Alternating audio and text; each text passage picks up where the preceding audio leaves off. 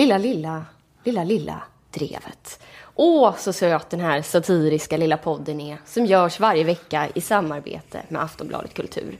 Jag, som inte är så värst liten, heter Nanna Johansson, men jag är inte ensam, för vad vore en populär podcast utan killar? Olyssningsbar. Eh, så därför är här också Ola Söderholm samt vikarien Jonathan Unge. Skönt att du fick in den här. Markerade direkt. Du könade oss. Ja, men det är bra att jag är här tycker jag ändå. Att det finns någon kontinuitet i den här podcasten. Ja, det är sant. Du är eh, klippan som står. Alla andra tycker att allt kan prioriteras framför Lilla Drevet. Har jag börjat få en känsla av. Ja. Det martyrskapet klär dig. Alla, Alla, alla, alla, t-shirt sitter de perfekt på din kropp. alla, har, alla har så himla mycket på gång tydligen. Tur att det är någon som inte har så mycket på gång.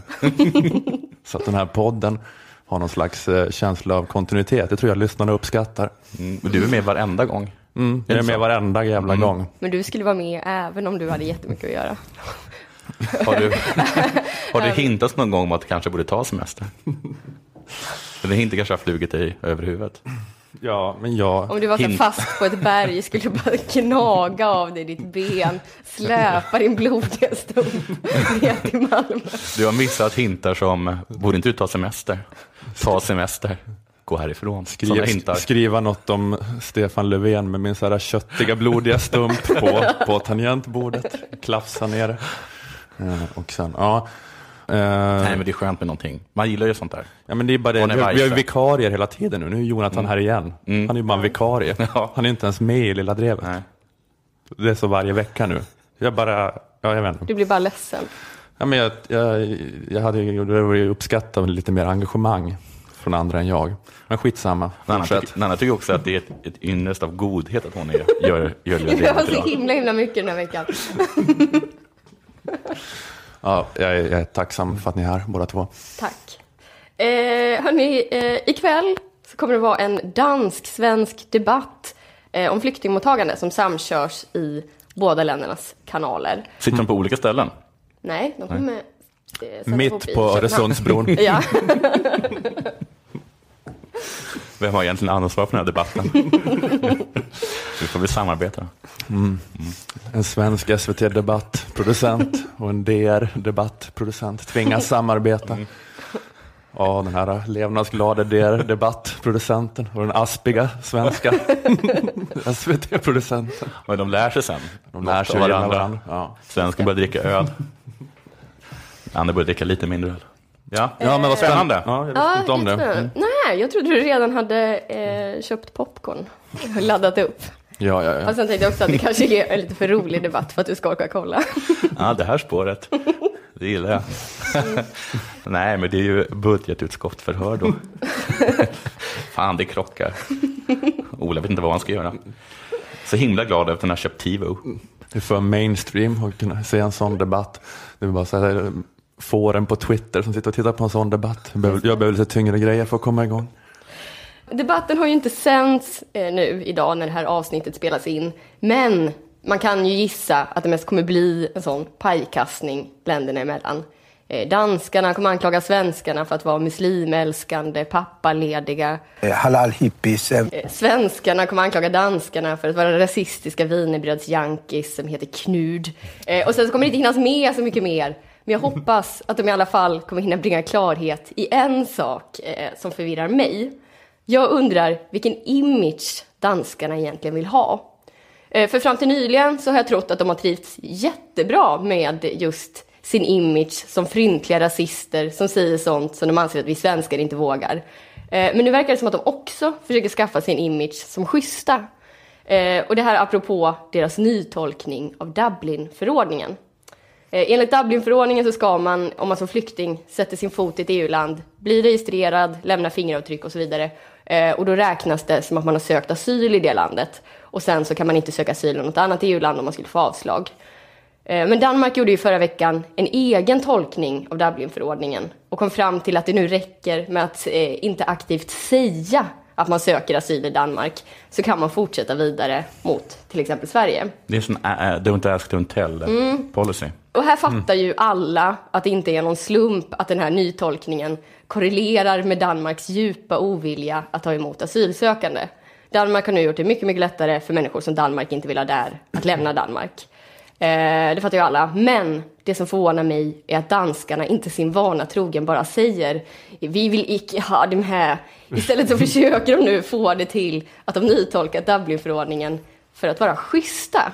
Eh, vi kan lyssna på danska korrespondenten Anna Gorslev i Agenda när hon förklarar att allt handlar om att man bara inte vill jobba med tvång. Det ligger inte i vår kultur heller i Danmark att vi tvingar folk och med våld och makt får dem att avge sitt fingeravtryck. Nej, nej, nej, det är ju inte det att vi är fullskaliga rasister. Vi gillar bara inte att med tvång stoppa någon.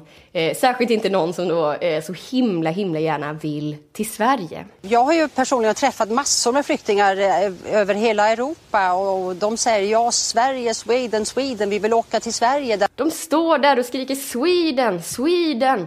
Hur skulle vi danskar kunna sova om nätterna i våra jysksängar om vi inte lyssnade på deras önskan? Herregud, vi vill ju bara alla asylsökandes bästa.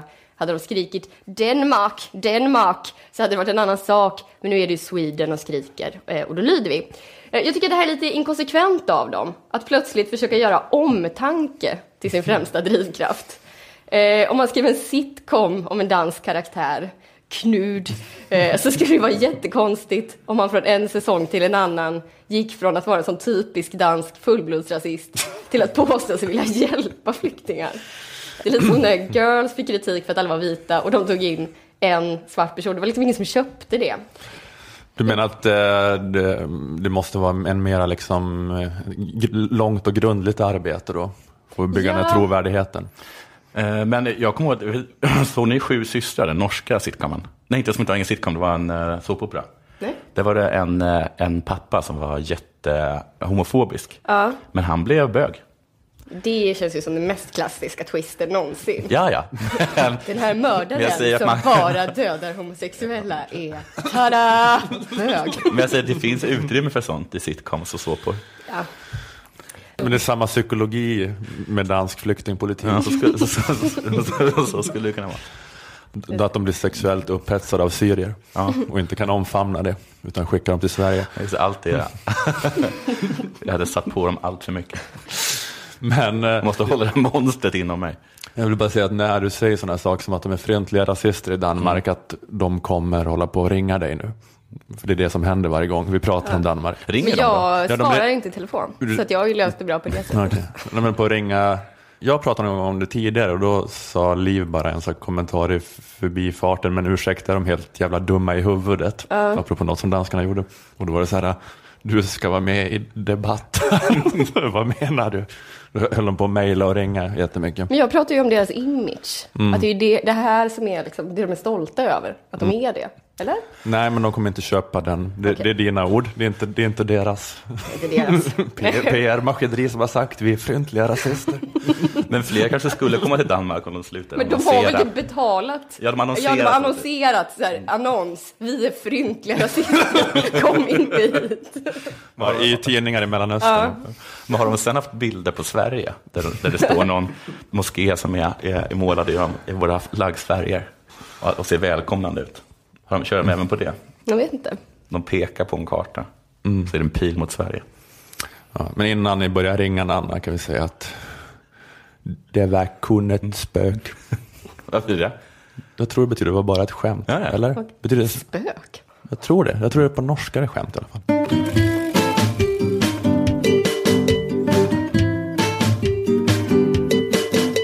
Eh, Jag tänkte att vi ska prata lite om den nya innebörden av ordet popvänster. Eller hipstersocialism. Vad är liksom det nya som alla, alla då trendiga posörvänstermänniskor är nere med? Vad är det 24-åriga brittiskan Hailey Bruford talar om? I think it's fresh. I think it's new. Vad är det som är fresh och new? Är det stalinismen? Ja, det är en 66-årig skäggig marxist. Ja, ja, det är inte långt ifrån. Den här tjejen eh, som intervjuades av Sveriges Radio var en supporter till Jeremy Corbyn. Vet ni vem det är? Mm. Det är Labours nya ledare. Precis, han har valts eh, till ledare för Labour, de brittiska sossarna. Eh, Han har då tillhört en isolerad vänsterfalang i Labour. Eh, Han har suttit på bakersta raden i parlamentet i 32 år. Röstat emot partilinjen mer än 500 gånger, vilket är rekord. Men ingen har brytt sig så mycket, han har bara suttit där bak och surat. Men nu har han då blivit vald. Alla i partietablissemanget är förtvivlade. Ja, hur lyckades han bli, eh, bli vald? Det verkar som att ingen håller med honom no- om något. Men det var det här att eh, medlemmarna fick rösta eller någonting. Exakt. Mm. Ja, Och det var, var det något nytt? Det brukar det inte vara, eller då? Ja, det var någon sån eh, liksom, primärvalsprocess, alltså lite amerikansk nästan på något sätt. Att de, att dels, Det vet man ju att det är alltid galningarna som röstar när det bara är alltså de, de som, är så här, som är medlemmar Som i i kyrkovalet. partiet ja, som får rösta. Ja, men det var medlemmar och också var det någon nyhet att man fick så här, registrera sig som supporter till Labour. Och, eh, så att man inte behövde vara medlem, man fick så här, registrera sig som en som ville rösta. Så då har det också varit så här, snack om att det var konservativa som gick in och saboterade eventuellt. Eh, har det gått rykten om. Fast, fast de tror att det inte var så. Eh, Men eh, jo, men de är förtvivlade då, liksom eh, partieliten. De nominerade honom som ett skämt. ja, men det var att han behövde ändå så ett antal liksom, ledamöter i, i parlamentet som skulle nominera honom. Typ att 10 procent av Labour-personerna någonting skulle säga att han ska vara med som kandidat.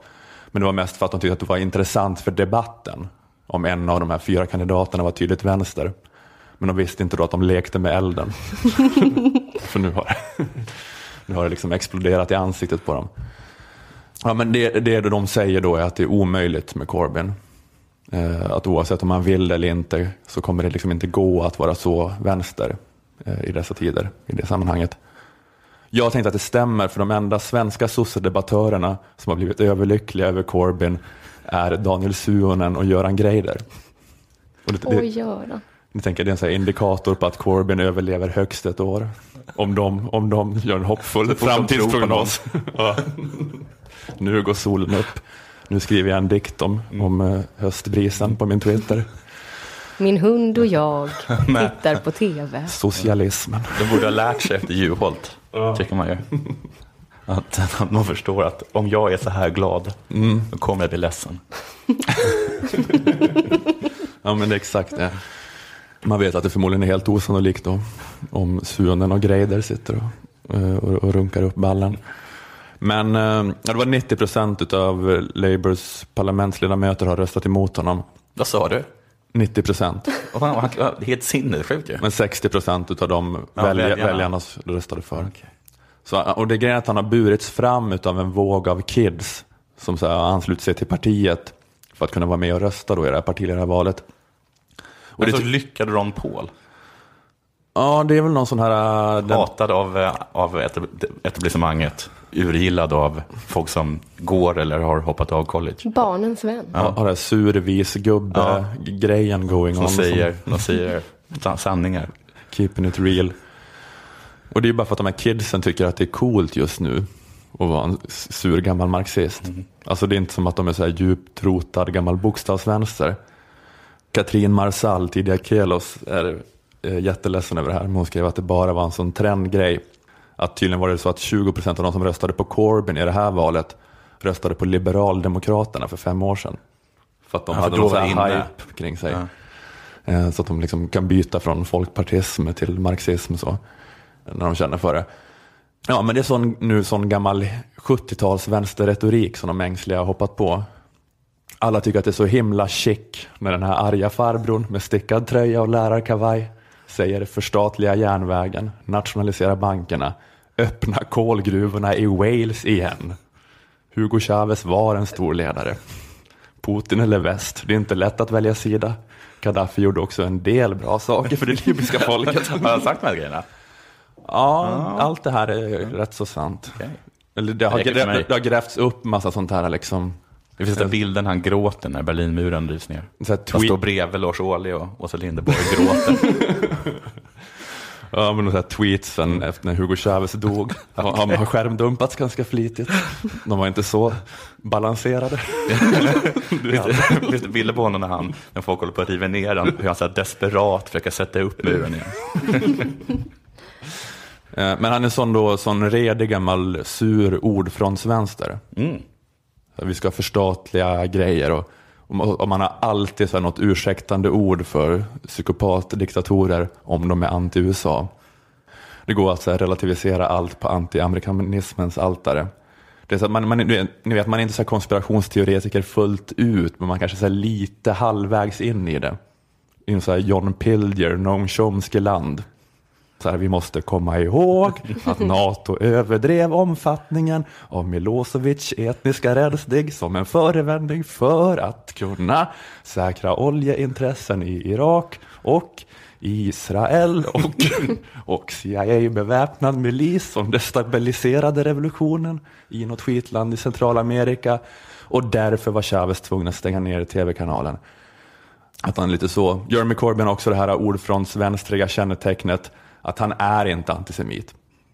Han har aldrig sagt något antisemitiskt, men han lyckas alltid hamna på samma möten som antisemiter. lyckas aldrig kolla upp att den här Palestinaaktivisten var visst också förintelseförnekare. ja, men han har haft en sån skandal som han har, har valsat runt nu, att han var på möten med någon känd förintelseförnekare som heter Paul Eisen, som hade en. Palestinagrupp. Okej. Ofta har han lyckats vara med också i iransk stats-tv.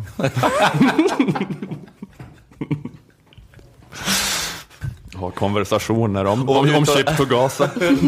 Precis, det måste vara sånt han uttalar sig om. Jag har väldigt svårt att, att tro att iransk tv är intresserad av huruvida man ska öppna upp gruvorna i Wales eller inte. Nej, nej, men Nej. precis. Han bara har ett sånt eh, samtal, förutsättningslöst samtal om chip och Gaza. Men eh, ja, en annan eh, grej som har dragits upp med honom eh, är det här.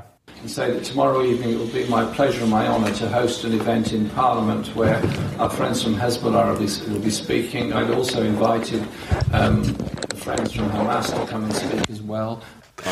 Ja, okej. Är det inte bara det att de organisationerna, utan också att de är vänner till dem? Ja, men precis. Varför säger du att ni är vänner? För det, det är nog ingen som egentligen tycker att det är fel att, så att man har ett samtal eller du vet, håller på och förhandlar med dem. Säg inte, säg inte vänner. Det är sådär lilla ord från vänsterglidningen. Vi måste kunna tala med våra kompisar. Vad våra kompisar tycker. Och våra kompisar kanske har några bra idéer. Ja, ja, men eh, Nu har du fått säga ditt jude. Nu vill jag att, nu vill jag att min polare säger någonting. Ja, men han, han eh, krossade i alla fall de tre andra kandidaterna då i partiledarstriden. Vilka var det då? Är det någon man känner till? Nej. Nej, det är nog ingen ni känner till. Det är en som heter Yvette Cooper Yvette. och eh, sen var det två andra. En som heter Liz och en som heter Andy. Mm. Andy hade min röst. Ja, men han krossade dem. Det finns lite olika teorier då om varför. Mm. Förutom det här med att han är trendig. Men det är också det att högerfalangen i Labour har haft problemet att man inte har kunnat få Tony Blair att hålla käften. Han fortsätter uttala sig. Ja, han borde ha slutat skriva debattartiklar om vilken läskig marxist Jeremy Corbyn är. För alla i Storbritannien ser Tony Blair som en kontraindikator. Om han tycker att något är dåligt, då måste det vara bra. Så liksom hans här stöd är som lepra. så han har bara förstört för de här, då, de här liksom partietablissemangskandidaterna. Men du säger, Tony Blairs sista debattartikel i Guardian innan partiledarvalet var så här Okej, jag vet att ni hatar mig, men snälla försök bortse från det en sekund och lyssna på mig. Att välja Corbyn är självmord, partiet kommer utplånas. Direkt citat från artikeln är så här, eh, even if you hate me, please don't take Labour over the cliff edge. Folk hatar dem så himla mycket. Gör inte det här bara för att ni hatar mig. Det är så kul att, det är kul att han har den självinsikten, att han, han vet att han är hela så här partiets dåliga pappa. Så här, jag vet att du håller på och knarkar och skär i dig själv för att du vill straffa mig. Men det kommer bara slå tillbaka på dig själv. Han får skriva sina debattartiklar under pseudonym. Man borde kunna göra så omvänt då. Om man är lite Ja, smart. han borde ju gilla honom supermycket då. Just det. Det Om man vet att den har den effekten på folk. när Obama skulle, han hade liksom fått sin kandidatur för att Demokraterna skulle möta, vem, var det han ställdes mot? John McCain. Ja, att, han liksom, att de, upp, de hade liksom skrivit och bett Hillary att aldrig dyka upp och ge sitt stöd. För att hon var så himla impopulär då. Jaha. Alltså, men, men George W. Bush har det verkligen varit Jaha, så, tror jag, för, för Republikanerna också. Att de nya kandidaterna vill inte ha sådär, en handpåläggning från honom. Och när Texas-gubben kommer så vet man att det är kört. Ja, men det, var lite otaktiskt. Han borde ha sagt att jag älskar Jeremy Corbyn lika mycket som Irakkriget. Men en annan då förklaring till Jeremy Corbyns seger är att han har hamnat i en sån där zon eh, där de vanliga reglerna inte gäller honom. Att han är lite av en vänsterversion av Donald Trump. Som ju då leder Republikanernas race i USA genom att så här, bryta mot alla regler om mediehantering. Men så att så här, skit som hade sänkt någon annan spelar ingen roll för den personen. Att folk tycker bara att det är så jävla skönt att någon pratar som sig själv. Men det kan jag tycka är härligt att, att eh, vi på vänstersidan kan få en sån eh, loose cannon. Eller man, man har underskattat hur mycket folk har börjat hata så här söndermediatränade politruker. Man tar vad som helst nu liksom. Att någon bara låter som att den läser från någon LO-pamflett 1972. Men vad räcker för att man bara, bara det är något annat än så här Anna Kinberg Batra bandspelare. Men vad har han sagt för någonting då? Är det bland annat med förstatligandet? och, så har de fått, och så har de fått frågan, men hur ska det gå till? Och då säger han, "Wha- whatever, PK, tant, eller något sånt där. Alltså det, han är inte som Donald Trump, men, ja, men det, är väl, det är väl allt sånt där med uh, all den här utrikespolitik, uh, antiamerikanismen och, ja, men och att det är, jag vet, jag vet inte i detalj hur jävla radikala vänsterförslagen är, men det är ändå så här förstatliga.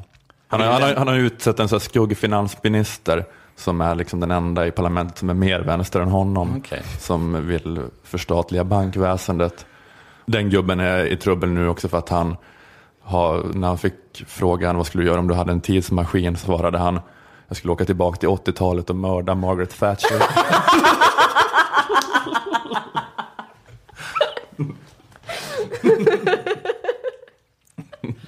Ja, men då, är, då, då har ni verkligen fått det, Donald Trump. alltså det var, Det här, du älskar ju vad du har. men, ja, men det var en grej han sa för några år sedan som hållit på att vevas nu igen. Ja, men man har underskattat så här längtan efter det hos folk, att någon någon gång bara ska keep in it real. Och att det nästan är mindre viktigt vad man är real om då. Att eh, Corbyn bara är den han är. Han är så allvarsam och sträng marxist som aldrig ler. Ja, vi kan lyssna lite på hur real han är när han blir konfronterad med den här grejen med att kalla Hamas och Hezbollah för friends. be able to have a discussion, to be able to Well, discuss. Can I? Can I? Can, can you allow me to finish? Do you mind? Yeah, but I asked you a question and you're ignoring it. No, I'm not ignoring the question. If you'd give me a minute, I'll answer it. I- the I point is, the point is this. friends? Listen for a minute, if you don't mind. I spoke at a meeting about the Middle East crisis in Parliament. And there were people there from Hezbollah. And I said, I welcomed our friends from Hezbollah to have a discussion and a debate. And I said I wanted Hamas to be part of that debate. I have met Hamas in Lebanon, and I've met Hezbollah in this country in Lebanon. I've also met. So are they can I, friends or Can not? I finish? Are I've al- your friends or not? can I finish? I've also met. Well, you, can't if it's a long, no, long answer. Look, I'm the issue, is, the issue is this. You are not prepared to discuss the whole issue of the Middle East. You're not prepared to discuss the wider question. The wider question is Hamas, Hezbollah are part of a peace process. Ja, det funkar ju bra. Artig och argsint. Ja, han är också så här lite, eh, att han är så här som har gått fina skolor i sitt språk på något vis också. Ja, men han är så här knarrig och argsint. Det är, det är inget kalkylerande, det är bara ren argsinthet. För jag hittade också det här klippet där en reporter frågar Yvette Cooper, som var då den här etablissemangets favoritkandidat, som då sen förlorade. Det här var innan valet, men att anledningen till att det går så bra för Corbyn, det är för att ni andra kandidater är too bland. Att ni är för slätstrukna. Some people are saying that Jeremy Corbyn's success in this poll is a symptom of the fact that you and the other two candidates are just too bland. Well, I think, look, the challenge for us is how we reach out across the country. I think we can be very optimistic, excited about the future. Some people about might say that's a bland well, answer. About the high-tech jobs that we need for the future that Britain's not doing at the moment because we're being left behind by China, by India. Det är så hemskt att de bara fortsätter med, med den förprogrammerade talepunkten trots hans peak. Alltså, det går inte att ta in en situation. Det går inte att reagera som en människa.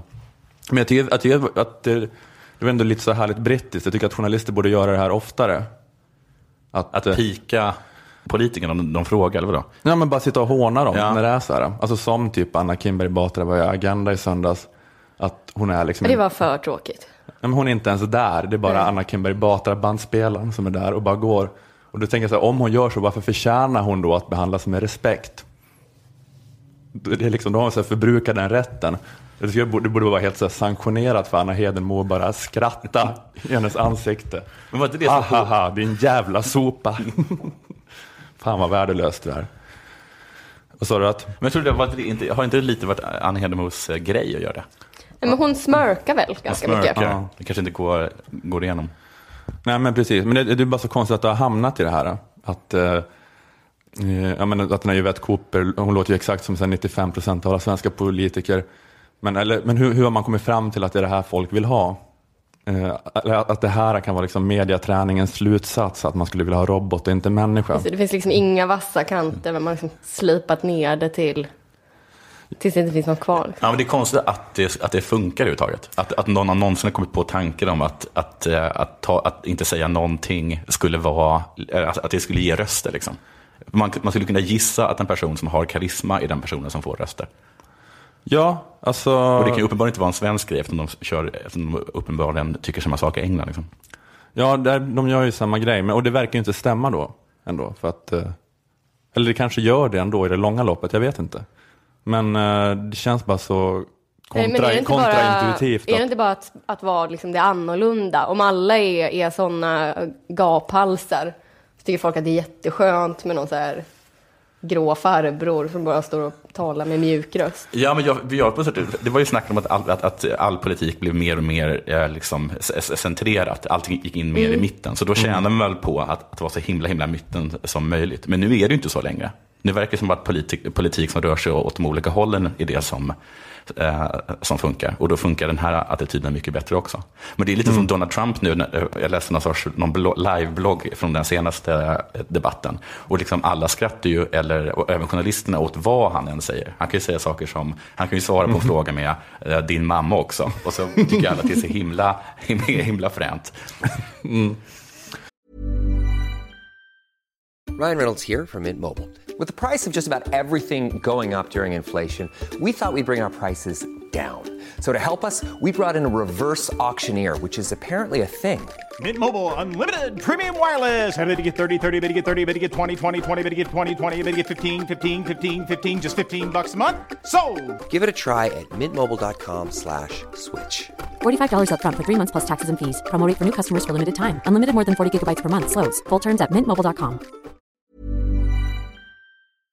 Det, men det känns bara som att det är någon så här felkalkylering att, att folk skulle vilja ha någon som inte eh, alls beter sig mänskligt. Eller att det är någon så här riskminimering för att ja, men det är väl ändå så då att typ för sådana som oss så har då Corbyn blottat sig 18 gånger och gett sig tillfällen att hålla på och håna honom och dreva mot honom. Men att alltså det man förlorar på ett drev är liksom ingenting mot vad man förlorar på att utplåna sig. Att man är så jävla rädd för, för det på något sätt. Jag bara att den kalkylen kan inte stämma. Men det kanske i och för sig också är så då att eh, just att alla har blivit så Ifall, man, ifall det var någon sån mer skrikig politisk kultur kanske den här Yvette Cooper skulle sticka ut som den annorlunda då. Eller så är det så att i, i ett politiskt parti så är liksom den absolut, absolut största majoriteten precis sådana. Att de bara kan eller, liksom, äh, läsa förskrivna saker. Och så finns det alltid en eller annan person som har en gnutta mer eh, vad heter det, utstrålning och den blir ofta partiledare. Men, men, liksom, men om den försvinner så kanske det bara finns liksom ett, ett dött fält. Men är det inte så att de, blir, så- att de blir så himla, himla bara stöpta i en form? Om de liksom har varit med i, säg SSU hela livet och sen Mm. liksom tagit steg för steg. Mm. Och, att, det, och att det kanske, liksom, det, det kanske inte har, det, det kanske inte hjälper en att klättra inom partiet eh, att stå ut. Nej, nej, Sen det kanske det det hj- hjälper att få röster i ett val. Men du kommer liksom inte upp i en partiledning om du eh, stöter bort eh, de två falangerna till exempel. Mm. Jag menar, att han till exempel blev vald nu, hade liksom parti, partiledningen fått bestämma hade han aldrig kommit, kommit fram. Nej. Nej, exakt. Men just det, för då skulle man egentligen behöva en sån partiledare som kan låtsas vara dum, men inte är dum på riktigt. Ja. När den kommer upp dit högst Ja. upp efter att ha be- betett sig som en idiot jättelänge för att komma dit så måste den släppa fram människan igen. Men då är det det att folk kan komma till toppen antingen på det viset genom att låtsas vara dumma eller genom att vara dumma på riktigt då. Mm. För att hela liksom, systemet gynnar, gynnar den grejen. Men Bildt, Carl Bildt till exempel kunde bli ledare för Moderaterna, men det var ju gammelmoderaterna, då var det liksom mycket mer, då var, det, det, det var ju accepterat att vara en röv, skulle Mm. jag gissa. Men sen med de nya moderaterna så alltså, kommer du inte någonstans med det. Och därför, liksom, som de flesta så här, folk som är antikarismatiska, de kommer liksom från, från ett helt annat håll. Liksom, eh, Donald Trump kommer ju bara, han, han kandiderar ju bara själv. Liksom. Jag vet, han är knappt, men vi gick väl med i partiet för något år sedan. Ja, men också, att, och också Håkan Juholt var ju bara för att så här, åtta kandidater råkade bli omöjliga så ramlade det på honom till slut. Jo, men framför allt, eh, förutom de här anledningarna, tänker jag att eh, Corbyn-febern är ett tecken bara på att sån här gammal muggig 70-talsvänster har blivit en hipstergrej. Alltså pendeln har helt svängt när det gäller vilken slags vänster som är cool. Den har på, här, på något år svängt från det här äh, feministiskt initiativ, identitetspolitik, Rebecca och Fiona, äh, ej mot nazism i en musikvideo. Intersektionalitet. Den har svängt liksom från den vänstern till den här ordfrontsvänstern. Det har gått från färgglada tights till manchesterkavaj. Det har gått från veganfika på FIP-picknick till surt hemmagjort rödvin på en studiecirkel om basöverbyggnad. Ingen kan väl älska den här utvecklingen mer än du, Ola? men, men då, betyder det då att Sohonen och, och Greider har rätt? Men alltså de har ju rätt, eh, och det här är mer då en spaning om vad som är trendigt inom vänstern. Okej, det kommer inte funka i den breda Nej, det, det kommer ändå inte, alltså på samma sätt som Fi inte kom in i riksdagen, så kommer inte, så kommer inte en så här sur marxistisk gubbe bilda regering i något västeuropeiskt land. Men det är bara att det är coolt inom, inom vänstersekten. Ja, men, ja, men det har varit en sån backlash, känns det som i Sverige också, lite grann mot identitetsvänstern. Bland annat den här podden har det gnällts en del om, om FIs bristande klassanalys och så vidare.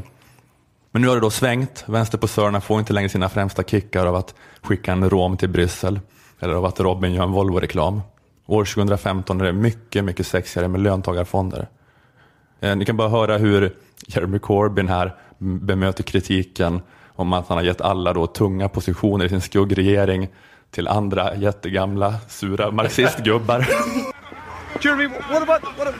How do you face this criticism that there simply just are not enough women in senior positions in the shadow cabinets? Um, why are you s- not so keen to talk to the media, Jeremy? If you would simply answer the question, we would would stop. Would stop. Tommy, there's people bothering me. We're not bothering you. We're from the press.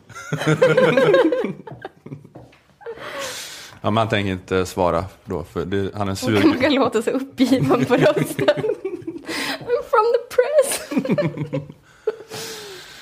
Han vill inte svara, men om han hade svarat hade han sagt hallå, det är så 2014 att prata om att den patriarkala traditionen inom arbetarrörelsen, där vita heterosexuella majoritets-cis-män utgör normen och därmed dikterar kraven utifrån sina begränsade perspektiv. Det är så 2014. Sådana 50-kolonnare som splittrar rörelsen, det har vi inte tid med nu. Det är samma i Demokraternas primärval i USA. Också gammal sur socialist, Bernie Sanders.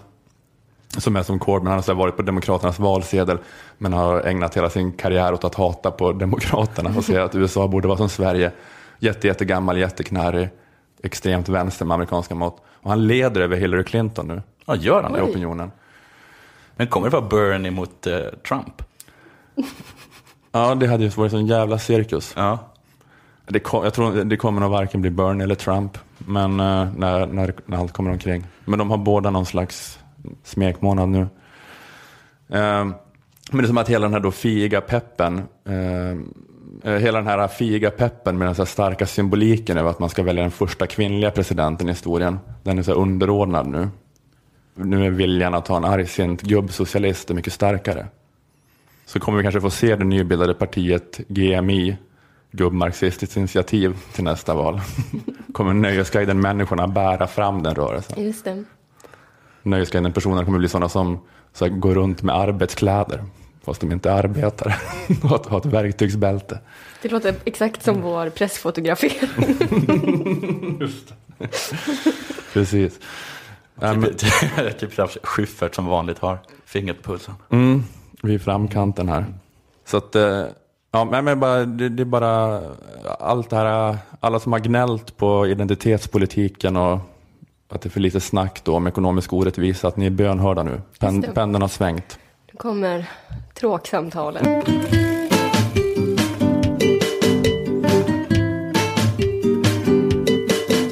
Eh, Det har varit en debatt om stök Nej. Jo, på biblioteken. I diverse tidningar. Det har kanske gått er förbi. Jag tror att det var tidningen Neos chefredaktör Paulina Neuding, som drog igång det. Men hon drog igång det i uh, Svenska Dagbladet.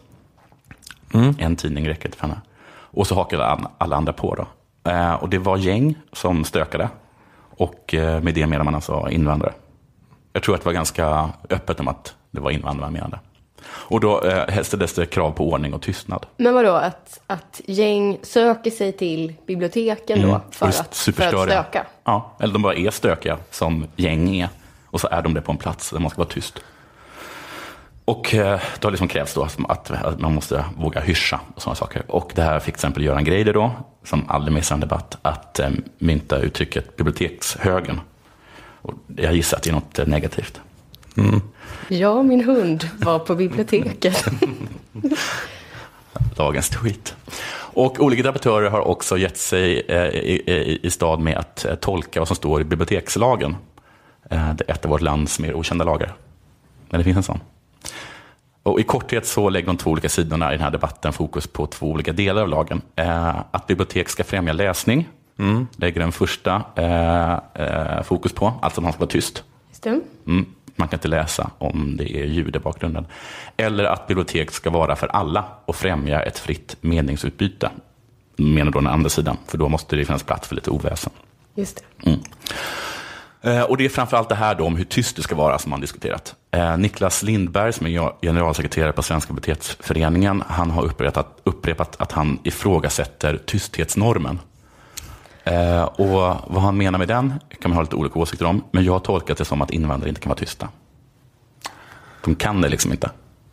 Varför tolkar du det så? Därför det finns en tysthetsnorm då som är påtvingande. Och de här Men vadå, tysthetsnorm på biblioteket? Ja, eller på biblioteket, ja. Det, det, det är där den här tysthetsnormen finns? Ja, ja, vi snackar om tyst som bibliotek. Okej. Själv så ska man kunna få tala utomhus. Men att det blir någon slags eh, kulturchauvinism med tysthetsnorm då? Ja, det är en sorts tryckande tysthetsnorm. Att man ska vara tyst då. Men kan det inte vara som på tåget fast omvänt? Att det finns ett rum där man får prata på biblioteket? Så Mm. det är bara att gå dit. Jättebra förslag. Det finns det säkert. Eh, Men jag tycker det verkar konstigt att man inte bara hyschar folk på bibliotek. Mm. Inte en sån gammal sanning att man är tyst på biblioteket. Jo, okej, bibliotekshögen. Vilket också är en gammal sanning. Att man hängde bögar. Men högern menar precis som du, Ola, att eh, man måste kunna lära sig att vara tyst. Och eh, vänster menar att de kan inte det. De kan bara inte vara det. Och då, det blir liksom omänskligt då att tvinga dem på en norm. Så då är det vänstern som är rasister här? Ja, skulle man kunna säga. Faktiskt. If, ifall det nu är invandrare vi pratar om. Det är du som har sagt det. Ja, men jag tror också att det är ganska klart. Men det är klart att de kan vara tysta, säger högern. Nej, det kan de inte, säger vänstern. Går inte, det är absolut omöjligt. Få tyst på en invandrare, lycka till. Några menar att man ska ge gummiband till invandrare och så fort de börjar skräna så kan de snärta sig. Va? Som ett sätt att eh, lära sig av med att låta. Men ska, ska de snärta sig själva? Mm. Men det funkar ju inte, man kan Men inte tvinga sig till det. snärta sig själva? Men det- den här klassiska grejen man gör, gav till homosexuella, att homosexuella fick ett gummiarmband och varje gång de tänkte en eh, homosexuell tanke så snärtade de sig. Aha. Så de förknippade liksom... Jag har eh, aldrig Har inte hört Har ni inte hört om det? Nej. Okej. Välkommen till verkligheten hörni. Man är tuffare än vad ni tror. Stor jävla dos verklighet. Mm. Rakt i plytet fick jag. Eh, Jag tror i alla fall att det handlar om det här. Jag har inte följt debatten supernoga. Men varför kan de inte vara tysta? Om det nu är det stora problemet. Jag tror ju att de kan vara tysta. Ja, det menar ju vänstern att de inte kan. Eller att det finns en norm då som vi trycker på dem. De ska inte behöva vara tysta. Jag vet inte riktigt. Svaret i alla fall finns kanske i en annan av veckans nyheter. Eh, nämligen den om att SF Bio har haft väktare på plats eh, under visningar av filmen Straight Outta Compton. Ja, men då vågar jag kanske hänga med ikväll. Mm. För ni skulle gå och titta på den. Just. Då kan jag känna Du mig trygg. Du har inte vågat gå på bibliotek den senaste tiden. Det har väsnat så mycket. Vissa filmer lockar en viss typ av publik. Därför valde vi att ha väktare på den här föreställningen i Malmö, säger Thomas Runfors som är informationschef på SF Bio. Filmen har ett hiphop-budskap och är bland annat kritisk mot polisen. Vi fick information om att visningar i andra länder har haft en viss typ av publik som inte betett sig som man kanske borde i salongen, säger Thomas Runfors och lägger till. En publik som kanske inte är så van vid att gå på bio. Så hiphop-publiken har alltså inte biovana. Och det kanske stämmer då. Den senaste gången de var på bio var ju september 2002, då A.T. Mile hade premiär. Gissar jag. Det är i alla fall den senaste hiphop-filmen. En sån här hiphoppare som var biobesökare, eh, det var Henrik Jensen och han kommenterade SF uttalande så här. Det känns löjligt eh, att de tror det, att bara för att det är en hiphop-grej så skulle det bli våldsamt. Känns lite som klubbägare i Stockholm som inte spelar hiphop-musik för att locka fel folk, säger han. Och då vet man ju direkt att det är inte så att de vill undvika hiphop-publik. Det finns inget som heter så, utan de vill undvika eh, invandrare. Hiphopare här tror jag är ett kodord för invandrare. Och precis som ni vet då så kan inte de vara tysta. Anser alla över den politiska skalan. Eh, och speciellt inte då på ställen som kräver tystnad, såsom biobibliotek. Det här är alltså... Det här är hur du tolkar Det här är vad, ja, det här är vad SF Bio tycker och tänker, vad alla i högern och stor del av vänstern tycker. De har lite olika åsikter om det. Alla har inte den åsikten, utan många menar att det här är en fördom. Att det inte stämmer det här. Mm, In- Inte många, men en del. En förtvinad liten del. En del som jag tillhör. Jag tror att det här är en fördom. Jag är ganska så säker på att invandrare visst kan vara tysta. Snyggt Jonas. Ja. Att de inte behöver, att en, en, en, en, tysthetsnorm inte är något problem för dem. Men... Snart får du hämta ditt Raoul Wallenberg-pris. Ja, tack så mycket. Det var på tiden att en jude får det. det är konstigt att så få judar fått Raoul Wallenbergs pris. Jag vet inte vilka som fått det priset. Men visst, visst blir man upprörd. Det här är en fördom, det här om att eh, invandrare inte kan vara tysta på, på offentliga tysta platser. Mm. Men det är en ganska snäll fördom. De är lite tjoa och kimmiga. Det är inte en jättehemsk fördom. Jag kan värre fördomar än att folk inte kan vara tysta på allmän plats. Ja, det är bättre än att ni stjäl eller sånt Ja, ja, mycket, mycket bättre. Och nu vill jag slå slag för den goda fördomen. Eh, I USA till exempel så anses svarta tala på bio. Just det. De liksom har en konversation med filmen. Och det är och för sig också en fördom, men det är en ganska mild form av fördom om man jämför med många andra. Då. Och dessutom en fördom som många svarta gjort till sin. Det, jag- det, det är alltid med som en sån här... eh, Som en referens något Ja, om man ser amerikansk stand-up eller något sånt där. Mm. Om man ska driva med svarta så att de inte kan hålla käften på bio. Precis, och då även svarta komiker som har liksom tagit den till sig. Och antagligen driver med den, eller liksom så här, så är det ju. Så här är vi. Vi talar under filmen. Vi har, eh, vi har en konversation med filmen. Film är en dialog. Eh, och här tror jag liksom att milda fördomar kan användas som ett vaccin mot farliga fördomar. Precis som att man liksom sprutar in en försvagad form av en virus va? i kroppen på en. Och då kan, då kan, då kan kroppen eh, liksom bryta ner den. Och så när den starka fördomen kommer, då är kroppen redo för den. För den har fått öva sig på en mild man form. stöta bort den? Precis. Just det. Så jag tror att vi ska anamma två företeelser från USA som kommer underlätta integrationen. Eh, ett är att vi börjar kalla oss för afrosvenskar, asiensvenskar och mm, polsksvenskar, eller polacksvenskar kanske. Ja. ja. Alltså inte att vi använder ordet rasifierad, utan att vi är mycket, mycket mer specifika.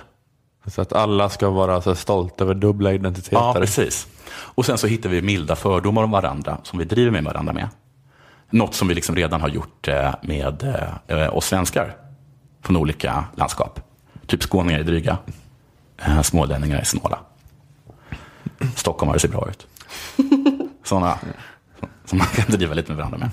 Kul och inte så farligt, ska vi Mm. säga. Man är liksom fortfarande amerikan eller svensk med skillnaden av att vissa kör bil som en gammal kärring. Just det. För så är det, som att asiater kan inte köra bil, svarta talar med bion, vita kan inte dansa. Fördomar, men inte så farliga. Det här är bra på flera olika sätt. Dessutom så slår man sönder den här stora gråa invandrarmassan. Man kan liksom inte längre bara säga, åh, de där invandrarna, de vet man hur de är. Utan då får man säga, var mer specifik. Vad är det för svenskar vi talar om? Ja, så kurdsvenskar. Ja, de vet man verkligen hur de är. De är så himla mediakåta. Finns det ett kulturbidrag som en kurdsvensk inte har fått? Ja, precis. Så kan man säga. Borde det döpas om till kurdsvensk bidrag? Du är på direkt. Jag gillar det. det är en så snabb, snabb adept.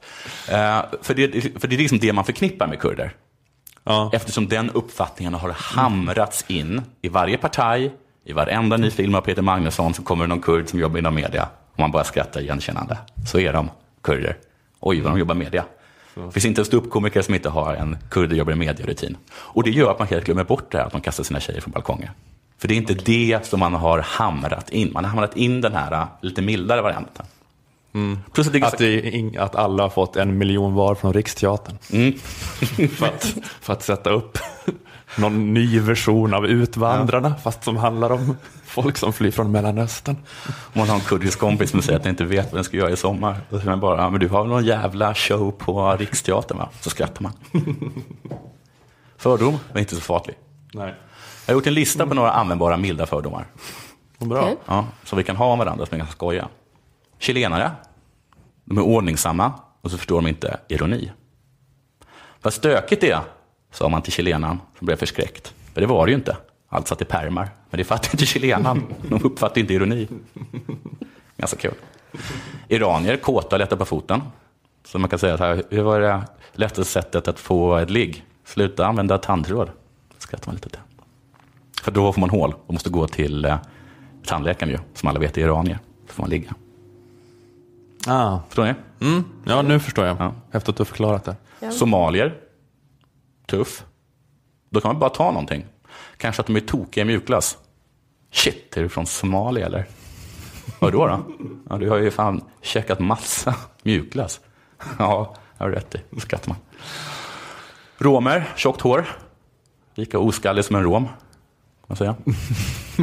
Ja, det är inte jättebra här, men araber, pladdermajer. Stina är en riktig arab. Herregud vad han snackar. Håll käften en jävla arab. Jag vill också berätta vad jag gjorde på sommarlovet. Kommer man höra i skolbänkarna. Skratt. Ta inte allt syre här inne.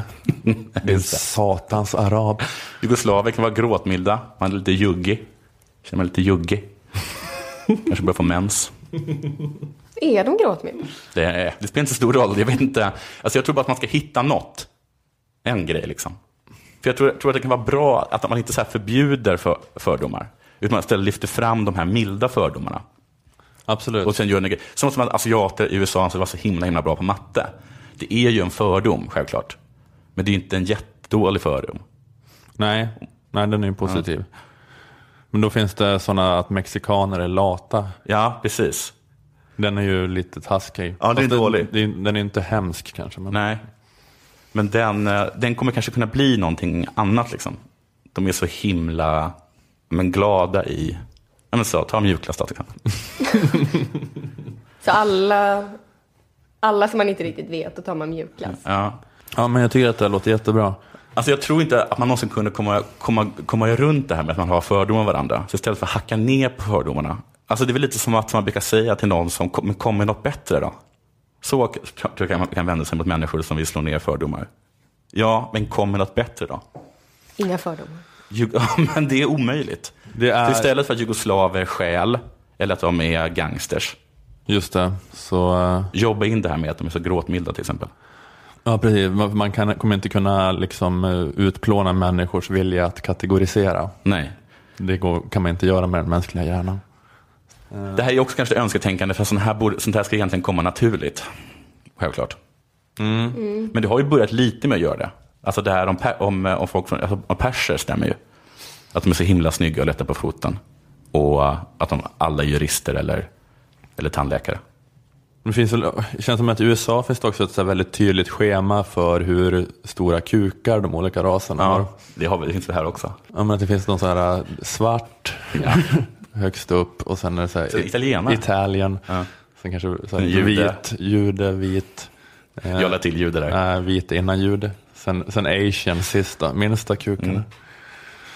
Det kanske man också ska liksom få till något sånt schema inom svenska invandrargrupper för att kunna dra kukskämten. Okej. Men kommer det vara så här då? Assyrierna med sina pytte pytte kukar. Jag är inte assyrier, jag är syrian. Du är hängd som en assyrier. Så här viftar man med lillfingret.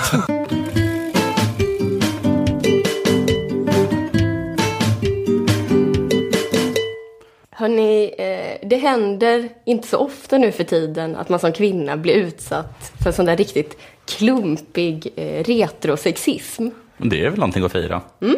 Sexismen idag har blivit så raffinerad. Man jobbar med subtila nyanser, kanske blickar och sånt. Eh, inte de där riktigt slafsiga penseldragen. Eh, blev förvisso klappad på rumpan av en gubbe på Kringlans bröllop. Men då var det ju också en gubbe som inte behärskar de här finkalibrerade eh, sexistiska eh, små knepen som ni yngre killar är så bra på. Eh, så jag tycker inte det räknas. Men förra veckan så var jag faktiskt med om en scen som hade kunnat utspela sig i svunna tider. Eh, bortsett från att det då skedde i en tv-spelsbutik. Eh, och killen som stod för det här var ganska ung. Ungefär i min egen ålder. Det här är min historia. Eh, jag skulle köpa ett tv-spel. Jag visste precis vilket spel jag ville ha. Ett nysläppt skräckspel som jag läste om. Jag gick in i butiken, tog spelet från hyllan och gick fram till kassan utan att tveka. Ett spel tack, sa jag. Inte. Eh, Men jag la fram spelet på disken så att det framgick med all önskvärd tydlighet att det här är ett spel jag vill köpa. Sa du, den här Gracie Moisen ser kul ut. Funkar den till min eh, Nej, mojäng? men, eh, jag daskar ner spelet på kassan och då eh, frågar eh, han som jobbar där, kommer du vara med och spela det här spelet? Jag förstår inte riktigt vad han menar. Eh, kommer jag vara med och spela spelet som jag nu köper helt själv utan att ha någon annan med mig? Eh, ja, såklart, säger jag då. Eh, då säger killen i kassan, men du kommer inte spela ensam va? Eh, Det är alltså bara jag i butiken och jag har inte inlett vår konversation med eh, det här är ett spel jag köper till min pojkvän. Eh, Jag tycker nästan att man kan anta att jag planerar att spela det. Eh, Samma dag köpte jag en tröja i en tröjbutik. Då fick jag inte frågan kommer du vara med och ha på dig den här tröjan? Eh, Man utgick från att tröjan jag köpte var till mig och att den som skulle använda den var jag. Eh, nej men när det kom till det här läskiga tv-spelet då så, så utgick man ifrån att det här måste vara en present till någon annan. Eh, att det kanske var på väg till ett kalas. Kanske skulle våga dröja mig kvar lite och titta när killarna spelade. Men det här är ju som sagt ganska, ganska retro sexism. Eh, men jag tror ändå att killen i kassan ändå ansträngde sig. Han hade ju kunnat inleda med Eh, är du säker på att du köper till rätt konsol nu? Ska vi inte bara ringa din kille och dubbelkolla? Eh, eller så hade man kunnat stoppa mig i dörren och sagt, eh, du har gått vilse, sminkbutiken är där borta. Eh, och riktigt så illa var det ju inte. Men jag tycker ändå att han har en ganska bra bit kvar till den där riktigt finstämda sexismen som de flesta av dagens unga killar behärskar så bra.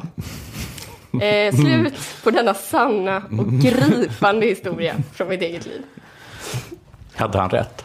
Ja, för att han, måste, till slut var det någon sorts att han var orolig att du skulle bli rädd, va? Eller? Ja, just det. Han började berätta att Ja. så här, till och med han hade Ja. blivit rädd också. Det var en karl ju. spelet. Till och med han. Ja, för att det var ett så läskigt spel. Mm. Aha, men... eh, Han hade inte reagerat så om det var My My Little Pony-spelet. Ja, det verkar konstigt att han är så eh, chockad. Att, han, eh, att, han, att man könar så aggressivt när man står i en tv-spelsbutik. Ja, för att visst man, känns det verkligen som, som i gruppen som kanske borde ha en intern, eller har haft, jag tänker att de kanske har haft en så internutbildning där det är så här, det kan komma in en tjej. Att man så här case att jobba på. De får göra så rollspel. Eh, Det har inte varit en så jätteaggressiv debatt om sexism inom I spelvärlden, tv-spelsvärlden. ja. Så jag tänker också att, ja, jag vet inte. Men jag vill bara säga att även andra, att det inte bara kvinnor som råkar illa ut Nej. i, i spelbutikssammanhang. Ja, det, ja, jag skulle lämna tillbaka Ja. ett Kinect, ja, alltså där man, där man rör på sig, man da, kanske dansar till ett spel som liksom läser av ens kropp så att det ser ut att man dansar. Så jag lämnade tillbaka den och då blev, gjorde han så himla klart för mig att han förstod att jag skulle lämna tillbaka det, för jag såg inte ut att ha några vänner. Undrar om det var samma person som jag råkade ut för. Det kanske bara är en som är fullständigt socialt inkompetent. Som jobbar där också. Han bara tänker med varje person som kommer in, så här, hur ska jag kunna sänka just den här människan? Men dig var det att du inte har några vänner. Mig var det att jag är kvinna. inte alltid de ömma tårna. Det där man känner sig lite osäker. Har jag Kommer det här vänner? synas Är jag på kvinna? Jag kan lukta mig till att den här personen är kvinna. nu jävlar ska jag trycka till henne.